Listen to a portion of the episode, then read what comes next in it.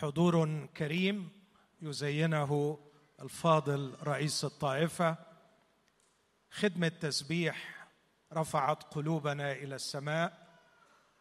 أبرت ولا أروع ولا أجمل من نشاط شد قلوبنا وفرحها اختبار في غاية القوة شجعنا وملأنا بالرجاء.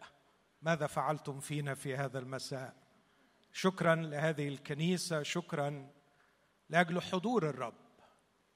اعتاد الناس يقول ما أشبه اليوم بالبارحة. أود أن أقول ما أبعد اليوم عن البارحة.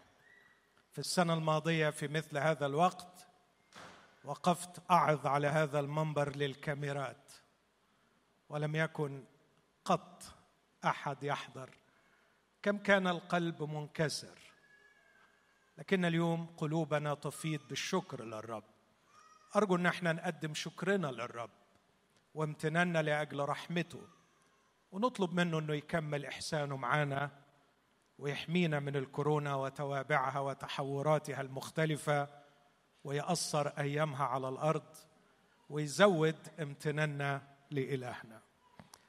مرة أخرى بشكر هذه الكنيسة التي تتيح لي هذه الفرصة أن أحتفل معكم شكرا أسيس يوسف لأجل هذا الامتياز وهذه البركة.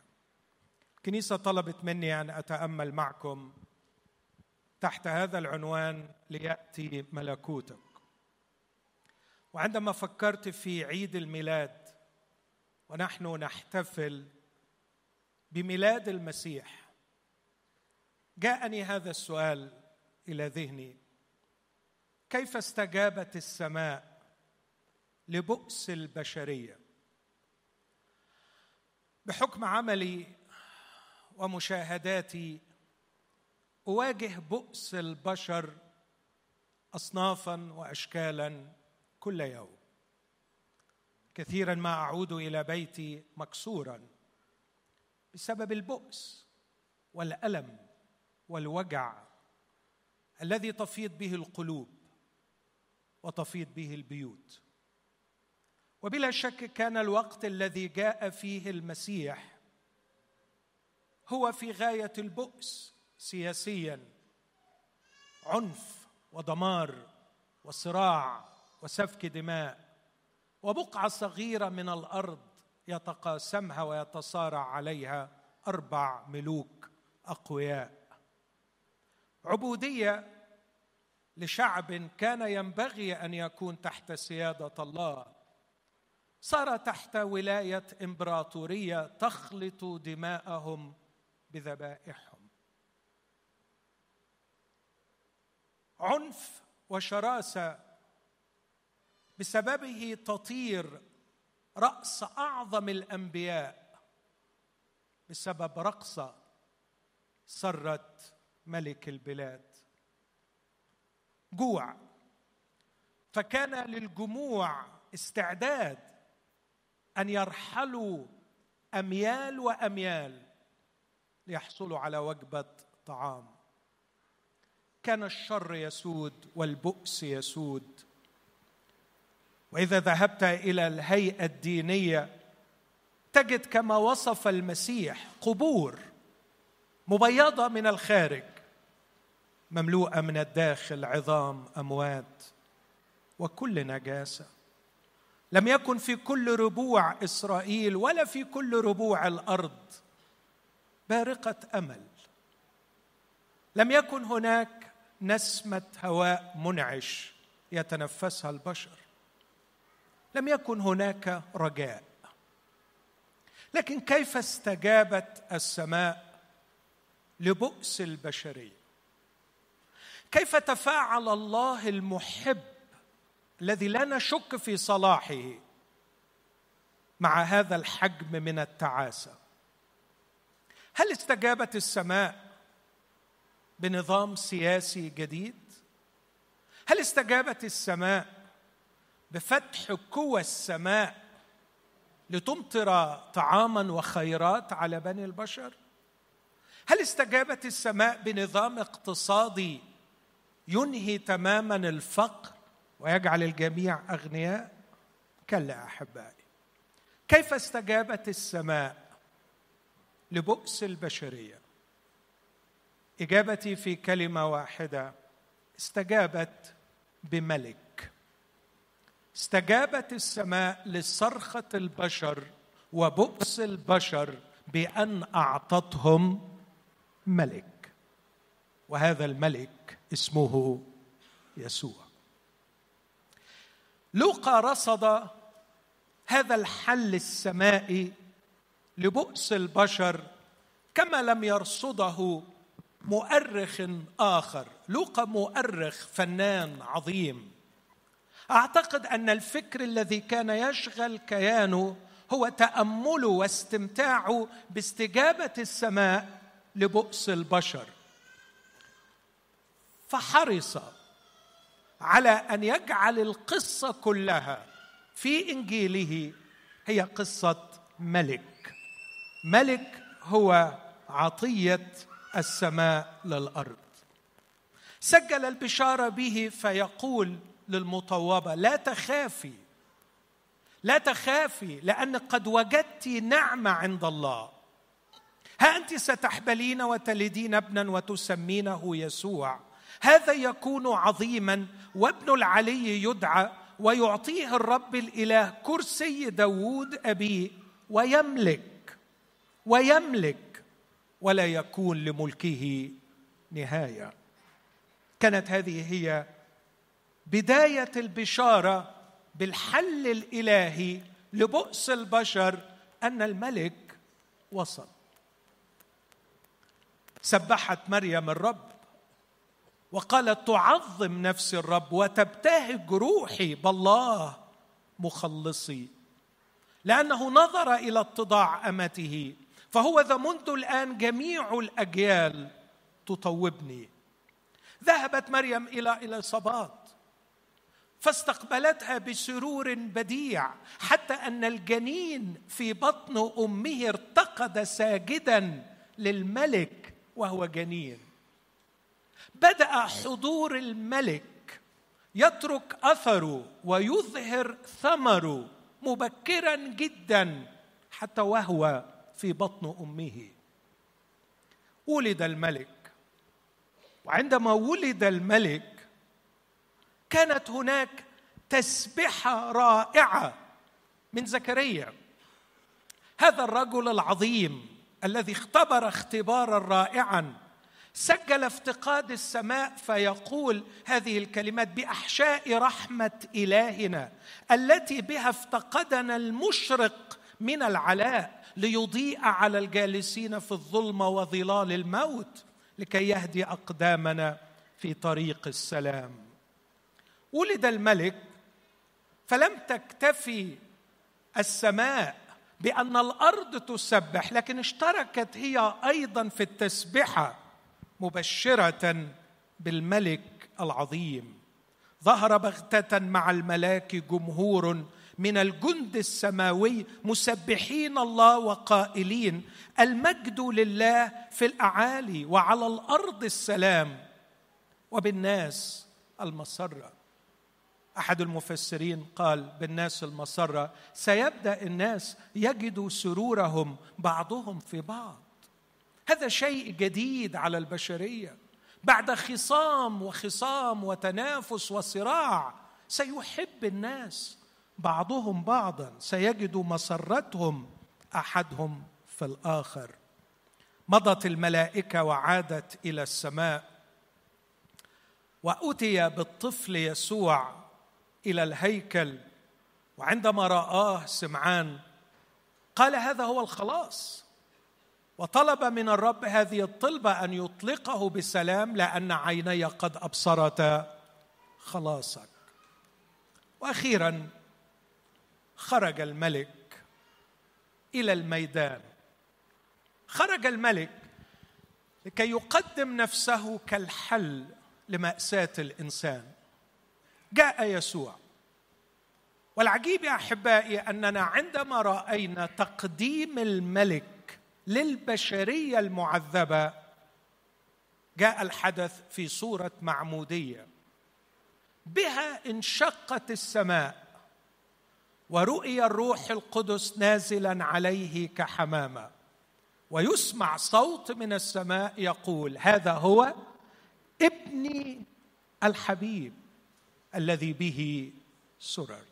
عندما سمع هذا القول تجمعت كل النبوات القديمة في ذهن الأتقياء فكل كلمة في هذه العبارة لها سجل طويل ورصيد طويل من النبوات.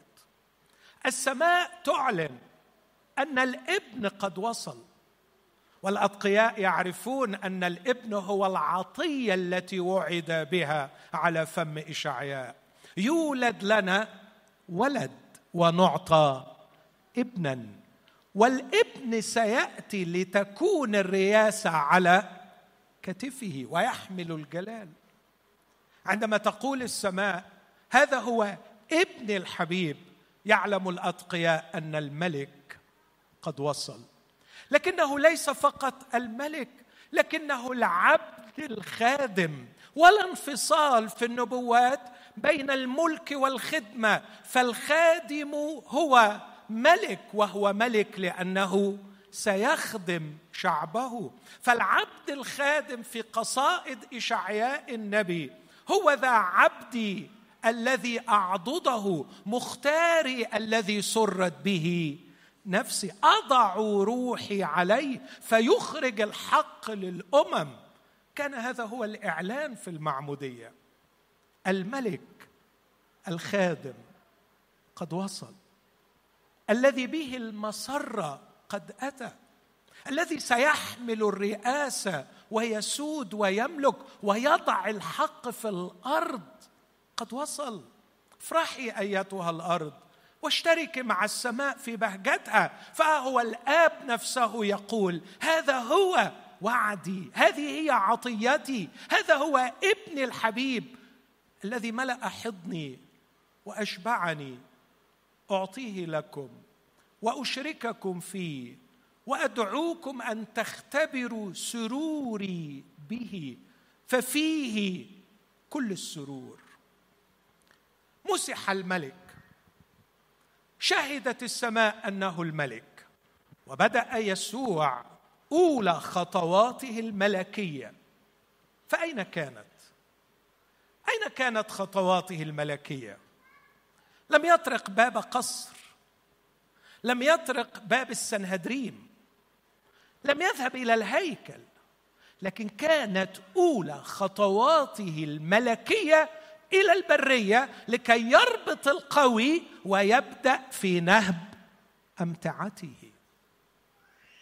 كان يعلم أن المملكة لن تدين له بسهولة. ففي الأرض ملك مختلس مغتصب. هو سر البؤس. هو الذي حطم القلوب. هو الذي أذل البشر. هو الذي دخل البيوت وأفسد الأخلاق. هو العدو. هو القوي. الذي ربط وقيد وأهلك. هو اللص والسارق الذي لم يأتي إلا لكي يذبح ويسرق ويهلك. فكانت أولى خطوات الملك في أصحاح أربعة. ليس إلى باب الهيكل ولا السنهدريم ولا باب قصر الملك لكن أما يسوع فرجع من الأردن حيث مسح وحيث شهادة السماء بأن هذا هو الملك هذا هو الابن الحبيب رجع من الأردن ممتلئا من الروح القدس يقتاد بالروح في البرية أربعين يوما يجرب من إبليس. كان هذا هو اللقاء الأول مع الملك الموعود به ومع الملك المغتصب. مع السارق مع اللص. وكما وصفه المسيح كان هذا القوي المختلس يمسك بسلاحه الكامل ويحفظ غنائمه في أمان حتى جاءه من هو أقوى منه لكي ينزع سلاحه الكامل الذي اتكل عليه ويوزع غنائمه. وبدأ الملك يمارس عمله بنزال عنيف مع إبليس. حرب دامت أربعين يوما. لا نعرف كل تفاصيل المعركة في البرية. لم يسجل لنا الروح القدس تفاصيلها. لكن الكتاب يقول أربعين يوم يجرب من إبليس. وفي نهاية هذه التجارب الطويلة والحرب المريرة بين الملك الموعود الملك المخلص وبين الملك المغتصب المختلس سجل الكتاب ثلاثة تجارب. تحكي حكاية المملكة المظلمة تحت سيادة إبليس. حيث استطاع إبليس أن يجعل كل تفكير البشر فيما هو مادي ومحسوس. جاء يسوع الملك ليقول ليس بالخبز وحده يحيا. الإنسان. الملك المغتصب جعل كل تفكير البشر وأحلامهم فيما هو منظور وأبعد خيالهم بل أعمى عيونهم عن رؤية غير المنظور. فقال له أعطيك ممالك العالم ومجدها إن خررت وسجدت لي. أعطيك المنظور في مقابل أن تعبدني. قال له اذهب يا شيطان لأنه مكتوب للرب إلهك. تسجد. عرفت تضحك على البشر وخدعتهم بالمنظور وخلتهم في النهاية بيعبدوك. يا شرير يا مجرم يا قاسي صاروا يعبدونك. من خلال تمسكهم بالمنظور. لكن أخيرا كانت التجربة التي تقوم عليها أسس المملكة المظلمة هي تجربة استعمال الله بدلا من عبادته. هيا هيا استعمل الله بأن يصنع لك معجزة. وكأن الروح القدس يكشف لنا أسرار مملكة الظلمة وكيف استطاع العدو أن يسيطر على ضحاياه داخل زنزانته داخل أسواره بأنه صرفهم عن كل ما هو روحي وجعلهم ينشغلون فقط بما هو مادي جعلهم يركزون على المرئي ويتجاهلون ما وراء المنظور جعلهم يريدون استعمال الله بدلا من التسليم له والخضوع له. هذه هي أركان مملكة الظلمه التي فضحها وكشفها وقود دعائمها الملك في البرية. وعندما أنهى معركته الأولى وهزمه وقيده ويقول يوحنا عن هذا الموقف الرائع نحن نعلم أن ابن الله قد أظهر لينقض أعمال إبليس. لقد بدأ في هدم هذه المبادئ الشريرة المظلمة التي أقام عليها مملكته خرج يسوع اسمع. استكمل لوقا المؤرخ الفنان ويقول ورجع يسوع. جاء من الأردن ممتلئا بالروح رجع من البرية عدد 14 من لوقا أربعة رجع يسوع بقوة الروح إلى الجليل. وخرج خبر عنه في جميع الكورة المحيطة. كان يعلم في مجامعهم. دخل إلى مجمع الناصرة. أول عظة ألقاها. يقول هذه الكلمات روح الرب علي لأنه مسحني لأبشر المساكين. أرسلني لاشفي المنكسر القلوب لأنادي للمأسورين بالإطلاق وللعمي بالبصر وأرسل المنسحقين في الحرية وأكرز بسنة الرب المقبولة. ولم يكمل النص. وبيوم انتقام لإلهنا وبحكمة طوى السفر وسلمه إلى الخادم وجلس. وجميع الذين في المجمع كانت عيونهم شاخصة إليه. فابتدأ يقول لهم إنه اليوم قد تم هذا المكتوب في مسامعكم. ابتدأ يكشف طبيعة الملكوت الذي جاء لكي يؤسسه ولأول مرة نكتشف في تاريخ البشرية أنه ملكوت لا يدور حول الملك لكن يدور حول احتياجات الإنسان فهو ملكوت ليس مخصص لإتمام أغراض الملك لكنه ملكوت مصمم لشفاء وتحرير الإنسان. يعلن رسالة الملك جاء ليملك جاء ليملك مش لأنه نقصه ملك. جاء ليملك مش لأنه محتاج يملك جاء ليملك لكيما يشفي المنكسر القلوب لكيما ينادي للمأسورين بالإطلاق. هذا هو ملكوت الله هذا هو ملكوت ابن محبته هذا هو الملكوت اللي هندعيك ليه الليلة. واللي أتمنى من كل قلبي يكون ليك نصيب فيه. ليس ملكوت عبارة عن جيش وسيادة وشريعة وسلطان لكن ملكوت عجيب غريب فيه شفاء وتحرير وإرسال في الحرية وانطلاق خارج أسوار الانسحاق. أرسل المنسحقين في الحرية وأكرز بسنة الرب المقبولة. أنهى حديثه الرائع وبلا شك الملك المغتصب المختلس لم يعجبه الأمر فابتدأ يهيج بحالة سيطرة غريبة على أجساد البشر وكأنه لم يكتفي أنه وضع أسس العالم الحاضر الشرير لكن في حضور الملك يسوع ابتدأ بجنون يهيج ويملك حتى أجساد البشر فامتلأت الأرض بأشخاص تسكنهم الأرواح الشريرة. فدخل إلى المجمع في نفس الأصحاح وكان في المجمع رجل به روح شيطان نجس فصرخ بصوت عظيم قائلا آه ما لنا ولك يا يسوع الناصري أتيت لتهلكنا؟ نعم اتى لكي يهلككم اتى لكي ينهي اغتصابكم. واختلاسكم لنفوس البشر. أنا أعرفك من أنت قدوس الله. فانتهره يسوع.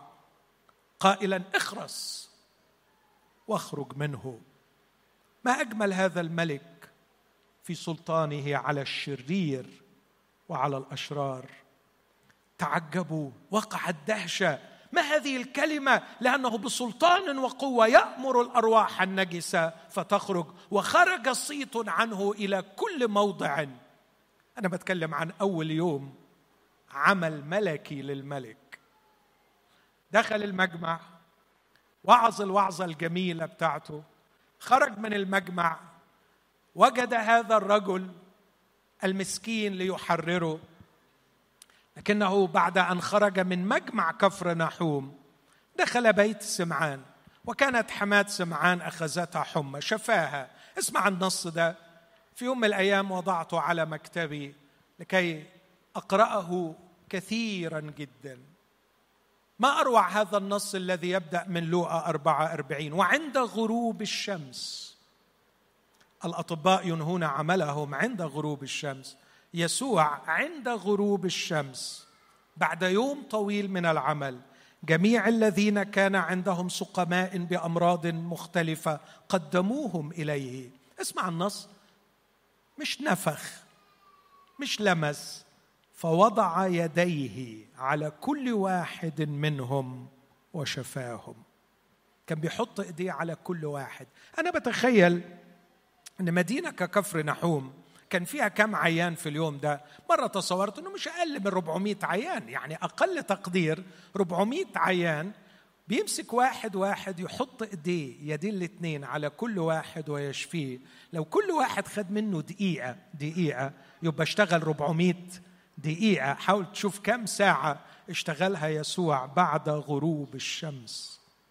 وكانت شياطين تخرج من كثيرين وهي تصرخ وتقول أنت المسيح ابن الله ابن الله أنت الملك.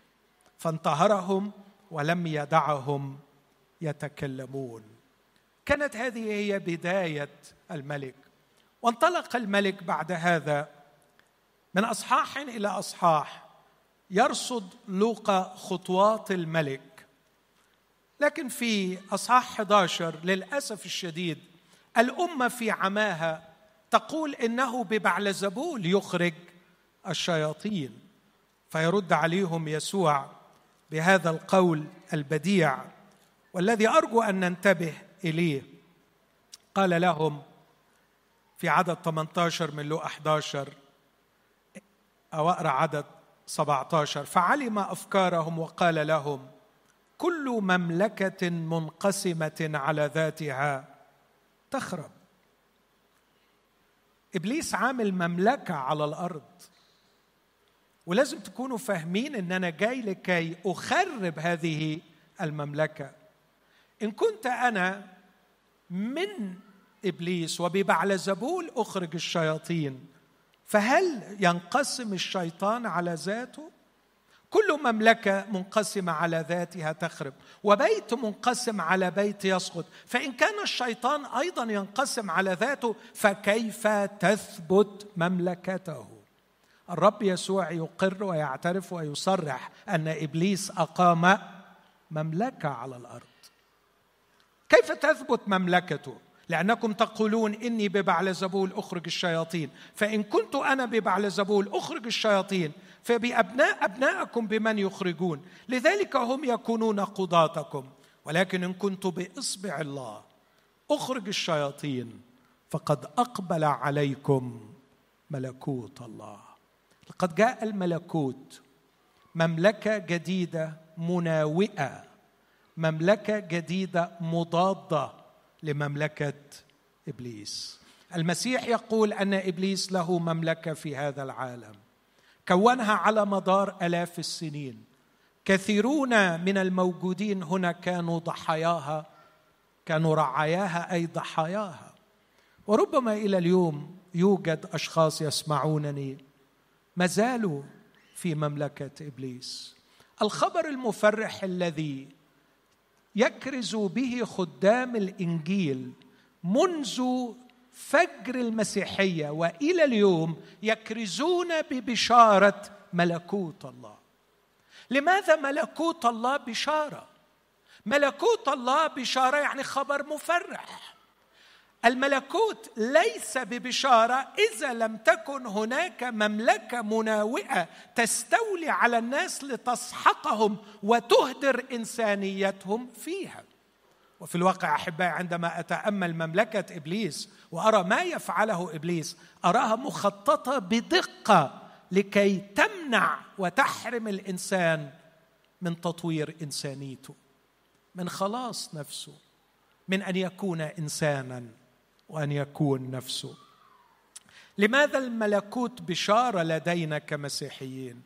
لأنه توجد مملكة أسسها إبليس شغلتها الوحيدة سحق إنسانية الإنسان. سحقك. سحق زواجك. سحق صحتك. سحق أخلاقك. سحق تفردك. سحق حريتك. ما عندهاش خطة إلا وتهدف في النهاية لإهدار إنسانيتك.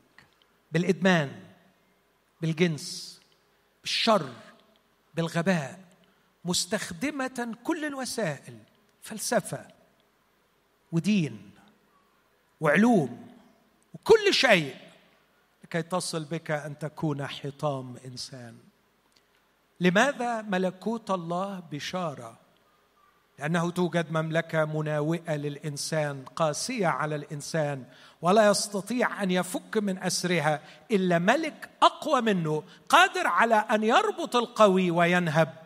امتعته ولقد ظهر هذا الملك يسوع المسيح وأسس مملكته وهو أرسلنا لكي ندعو ونبشر بملكوت الله.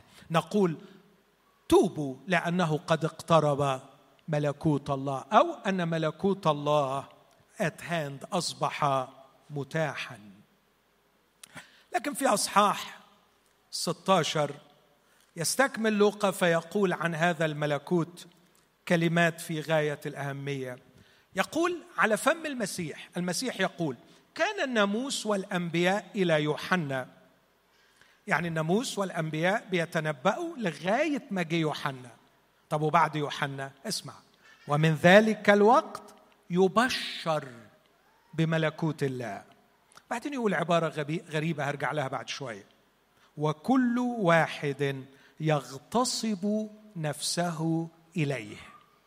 كل واحد يغتصب نفسه إلى الملكوت يعني بالقوة وبالعنف ينبغي أن تجد طريقك إلى الملكوت. يعني إيه بالقوة بالعنف يعني يا حبيبي وأنت داخل الملكوت إذا قبلت البشارة هتقابلك عوائق كثيره لابد أن تكون قويا لتتخطى العقبات التي تريد أن تعيقك عن الدخول إلى الملكوت. اسمع النص مرة ثانية يقول المسيح الناموس والأنبياء تنبأوا إلى يوحنا ومن ذلك الوقت. يبشر بملكوت الله. وشكر للرب نحن إلى الآن نبشر بملكوت الله. كان بولس يكرز بملكوت الله. كارزا آخر حاجة اتقالت عن بولس في أعمال 28 وهو في السجن. كان كارزا سنتين بملكوت الله. واليوم من على هذا المنبر أنا أكرز لكل من يسمعني بملكوت الله. وفي كل مكان خدام الإنجيل يكرزون بملكوت الله. والمسيح يقول يبشر بملكوت الله. لكن كل واحد يغتصب نفسه إليه. هرجع للآية دي بعد شوية. لكن فصاح 17 عدد عشرين. سأله الفريسيون متى يأتي ملكوت الله؟ أجابهم وقال لا يأتي ملكوت الله بمراقبة. ولا يقولون هو ذا هنا؟ أو هو ذا هناك؟ لأن ها ملكوت الله داخلكم. ماذا يقصد المسيح؟ إن الملكوت الذي جاء يؤسسه المسيح ليس ملكوت يفرض من الخارج إلى الداخل لكن ملكوت ينبع من الداخل إلى الخارج.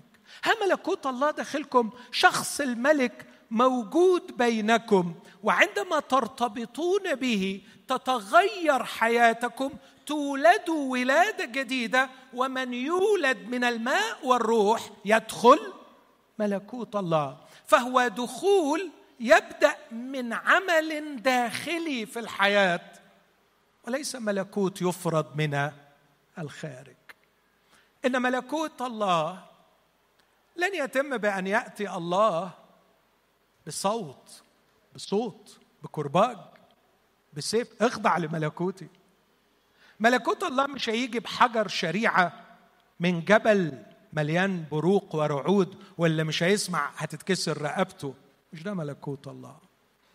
ملكوت الله يأتي ويبدأ بتغيير. قال يسوع لنيقوديموس هذه الكلمات. وأعتقد أن نيقوديموس كان بيتساءل عن هذا الأمر. هو أنت ولا مش أنت؟ يا معلم لا يستطيع أحد أن يعمل الآيات التي أنت تعمل إن لم يكن الله معه. هو مش أنت الملك؟ ما يلا ما تفرض سلطانك. قال له أيوه أنا الملك بس الملك بتاعي مختلف. الحق أقول لك إن كان أحد لا يولد من الماء والروح لا يقدر أن يدخل ملكوت الله. تحتاج إلى هذا العمل الداخلي العظيم الذي يغيرك من الداخل لكي تجد نفسك تلقائيا في ملكوت الله.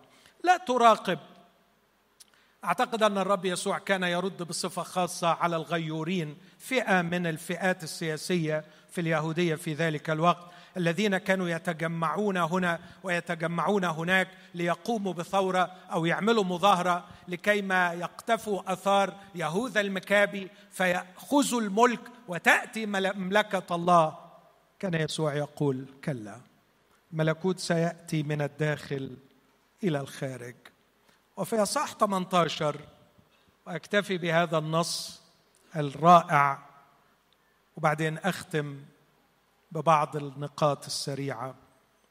في أصحاح 18 قال الرب يسوع في عدد 17 الحق أقول لكم من لا يقبل ملكوت الله مثل ولد فلن يدخله. من يريد أن يدخل إلى الملكوت عليه أن يقبل أن يكون ولد. والمقصود إن الواحد يكون ولد أن تكون معتمدا. أن تكون معتمدا. أكثر شيء يميز الأولاد أنهم يقرون باعتماديتهم على آبائهم ولا ينفرون منها. لكن حالة الاستقلال تبدأ بعد عبور مرحلة الولد. إيه أول سمات مرحلة المراهقة؟ إنه بيبدأ يكون مستقل. ملكوت الله أن تقبل أن تكون معتمدا على أبيك السماوي. تعود من جديد لتسلمه دفة الحياة. أبي أنا لا أرى أنت ترى. أبي أنا لا أعرف لكني أثق أنك تعرف. أبي أنا لا أقدر لكني أؤمن أنك تقدر. أبي أنا لا أحب لكني أثق أنك تحبني. أبي أنا أخطأت ولا أعرف كيف أغسل نفسي من دنسي. لكني اثق أنك تعرف يا أبي فأنت قد دبرت صليبا وكفارة لتمحو إثمي. أبي أنا أعرف أني لا أستحق لكني اثق أنك تقبلني.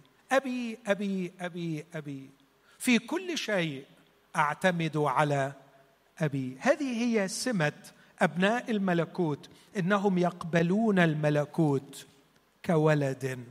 في أصحاح 22 وعندما يودع الملك تلاميذه وداعا مؤقتا على وعد بعود رائع ننتظره يقول لهم هذه الكلمات في عدد 18 لأني أقول لكم إني لا أشرب من نتاج الكرم حتى يأتي ملكوت الله. مش غريبة شوية العبارة دي؟ انت من بدري عمال تقول لنا إن الملكوت أتى والملكوت موجود ولا ملكوت متاح لكن يختم يسوع ويقول لا أشرب من نتاج الكرم حتى يأتي ملكوت الله. ثم يستكمل في هذا الأصحاح أكثر من آية تقول أن الملكوت سيأتي. عشان كده أختم كلامي بثلاث أفكار أسيبهم معاكم. أقول أحبائي ملكوت الله هو تلك الدائرة التي تتم فيها مشيئة الله. وعلشان كده لما بنقول ليأتي ملكوتك على طول بعديها بنقول لتكن مشيئتك. إلا أن هذه المشيئة الإلهية لن تتم إلا من خلال ايجنتس من خلال فعال عمال هم بني الملكوت. فمشيئة الله تتم على الأرض من خلال أبناء الله. الذين دخلوا الملكوت وصاروا من بني الملكوت. الملكوت هو الدائرة التي تتم فيها مشيئة الله. المنطقة اللي الله لي كلمة فيها. وكل من دخل إلى الملكوت وصار يحترم سلطان الله هو شريك في إتمام مشيئة الله. سواء مشيئة الله في أجسادنا مشيئه الله في جيوبنا مشيئه الله في أحلامنا مشيئه الله في علاقاتنا مشيئه الله في حياتنا الجنسية في حياتنا المالية في أعمالنا في عائلاتنا. ملكوت الله هو الدائرة التي تتم فيها مشيئة الله وأجسادنا هي بنك الطاقة لإتمام الإرادة الإلهية وهي ترسانة الأسلحة لإتمام المشيئة الإلهية في الأرض. هكذا يتكلم بولس عنها. ملكوت الله هو تلك الدائرة التي فيها تتم مشيئة الله لكنه يتميز بسمات ثلاثة. إنه الآن وليس فقط. وهنا وليس فقط. وقبول وليس فقط. أوضح كلامي. إنه الآن ملكوت الله الآن. الفرحه اللي فرحناها النهارده بتسبيحنا. الفرحة اللي فرحناها وإحنا بنشوف الاختبار الحلو والحريه التي يختبرها ابننا مينا. وإحنا بنشوف الحرية والبصيرة والفرح اللي فرحناه. بيؤكد أن ملكوت الله هنا. لكن أيضا ملكوت الله ليس فقط هنا ليس فقط الآن لكنه سوف يأتي طبقا لكلام المسيح. وعشان كده رنمنا يا كنيسة افرحي المسيح جاي. فالملكوت بدأ لكنه لم يكتمل الأمر بعد. بقي لنا مجيء المسيح الثاني لكي يأتي ليدين الأحياء والأموات. وحتى في قانون الإيمان بنقول ولا يكون لملكه انتهاء. سيأتي المسيح ثانية بعض الأحباء تطرفوا في أن يركزوا على الملكوت الآن وينسوا ما يقال ليس بعد ليس فقط القادم. هؤلاء للأسف أضعفوا الرجاء في قلوب المؤمنين. جعلوا المؤمنين يعيشون في حالة من التشاؤم لأنه ما فيش رجاء وفرحة مجيء المسيح. البعض الآخر ركز على المستقبل ركز على ما ليس بعد على على الآتي وأهمل الآن. وهؤلاء اضعفوا الإيمان والمحبة. اضعفوا الإيمان اضعفوا الثقة بأن الله يعمل شيئا عظيما الآن في نفوس من يقبلونه بالإيمان. ملكوت الله موجود الآن للتحرير للشفاء للبصر للإرسال إلى الحرية. لكنهم أيضا اضعفوا المحبة إذ عزلوا المؤمنين عن المجتمع. ولم يقدموا المحبة وبشارة الملكوت للآخرين. لكن عندما نؤمن أن الملكوت الآن وليس بعد أي سيأتي في المستقبل وسيكتمل ملكوت الله في السماوات والأرض تكتمل أركان المسيحية الإيمان والرجاء والمحبة. لكن الملكوت هنا في الأرض من خلالنا وليس فقط. وما أقصد بليس فقط يا أحبائي نصوص كثيرة تقول أن دائرة ملك المسيح واسعة للغاية وأرجو أن ينفتح ذهننا لنفهم هذه الحقيقة. هقول بعض الآيات السريعة. في دانيال سبعة رأيت مع سحب السماء ابن إنسان. قربوه إلى القديم الأيام فأعطاه ملكا. أعطاه ملكا فهو ملك الآن وجالس على عرش. يا ترى على من يسود يسوع الآن؟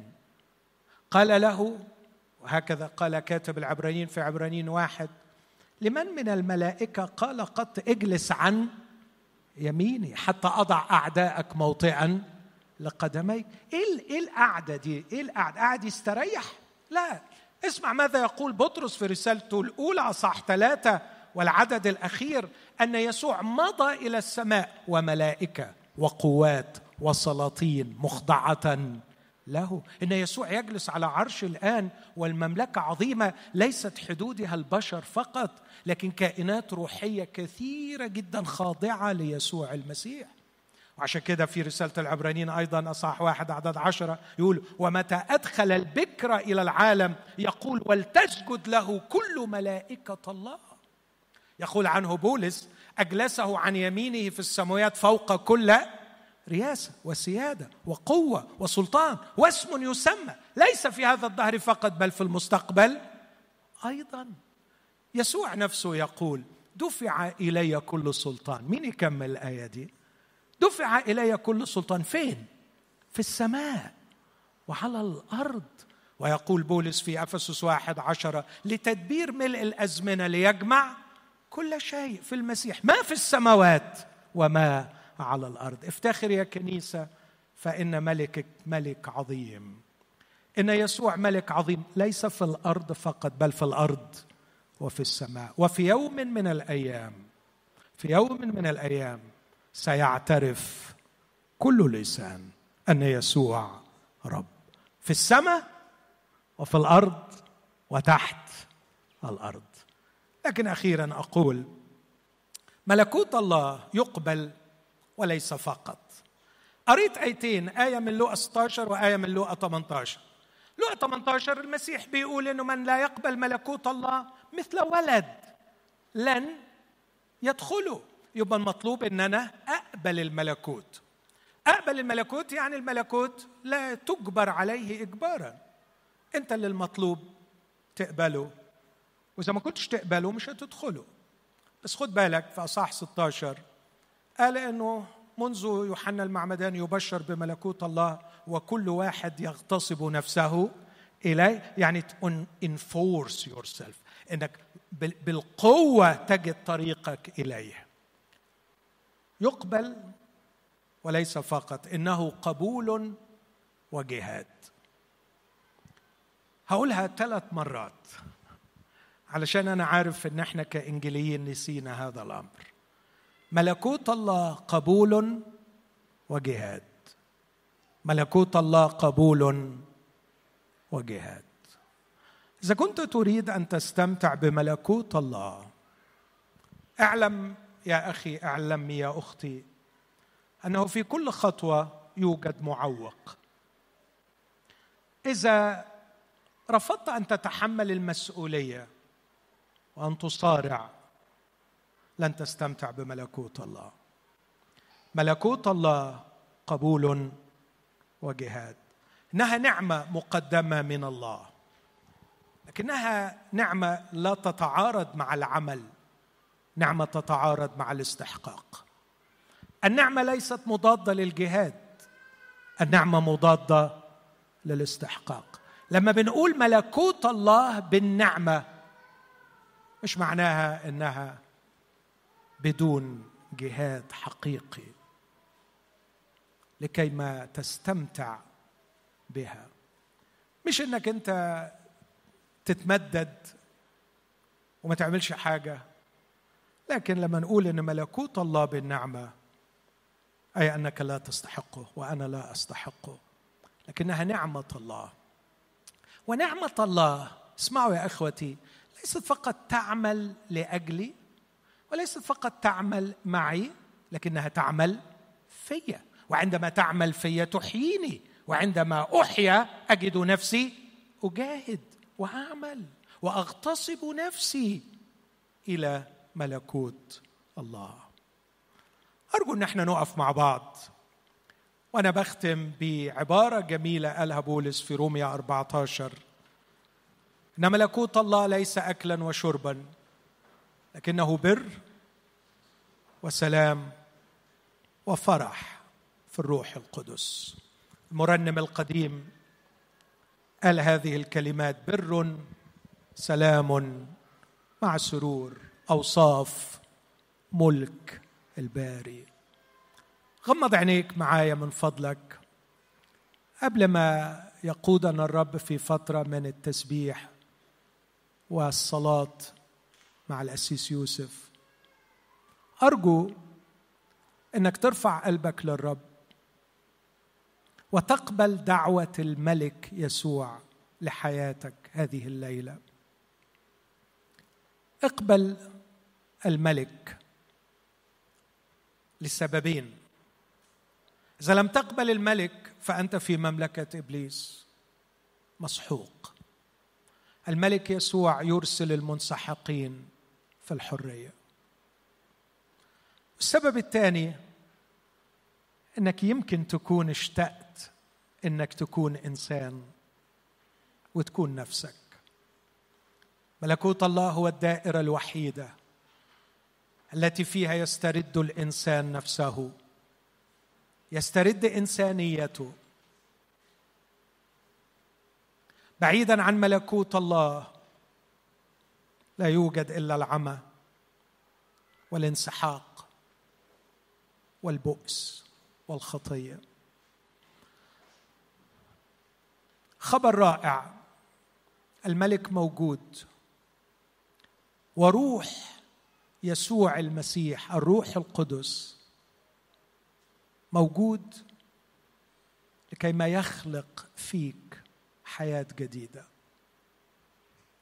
كل من يولد من الماء والروح يدخل ملكوت الله. ارفع قلبك بكلمات مخلصة للرب وقول له يا رب أشتاق أن تخلقني خليقة جديدة وأن تجعلني من رعاياك أيها الملك العظيم. أشكو لك تعبي وذلي ووجعي. أشكو لك عبوديتي للخطية. أشكو لك ظلمي وبؤسي. صرت عبدا لخطايا كثيرة. ولا أستطيع أن أحرر نفسي. أيها الملك الحبيب يسوع. قل له أنا مصدق كل كلمة أنت قلتها. ما قرأته في مجمع الناصرة ووعدت به أنا أطلبه منك حررني افتح عيني اشفيني اطلقني اجبر كسر قلبي.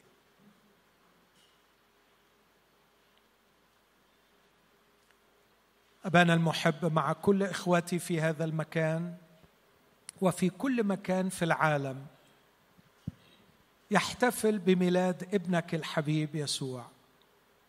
نأتي إليك يا أبانا بالشكر والامتنان لأجل هذه العطية عطية الملك.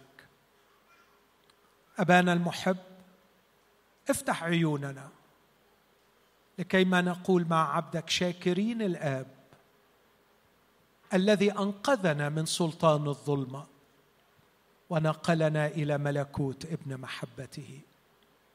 اقبل حمدنا وافتح كل عين لم تختبر نعمة الملك إلى الآن. في اسم المسيح يا ابانا استجب آمين.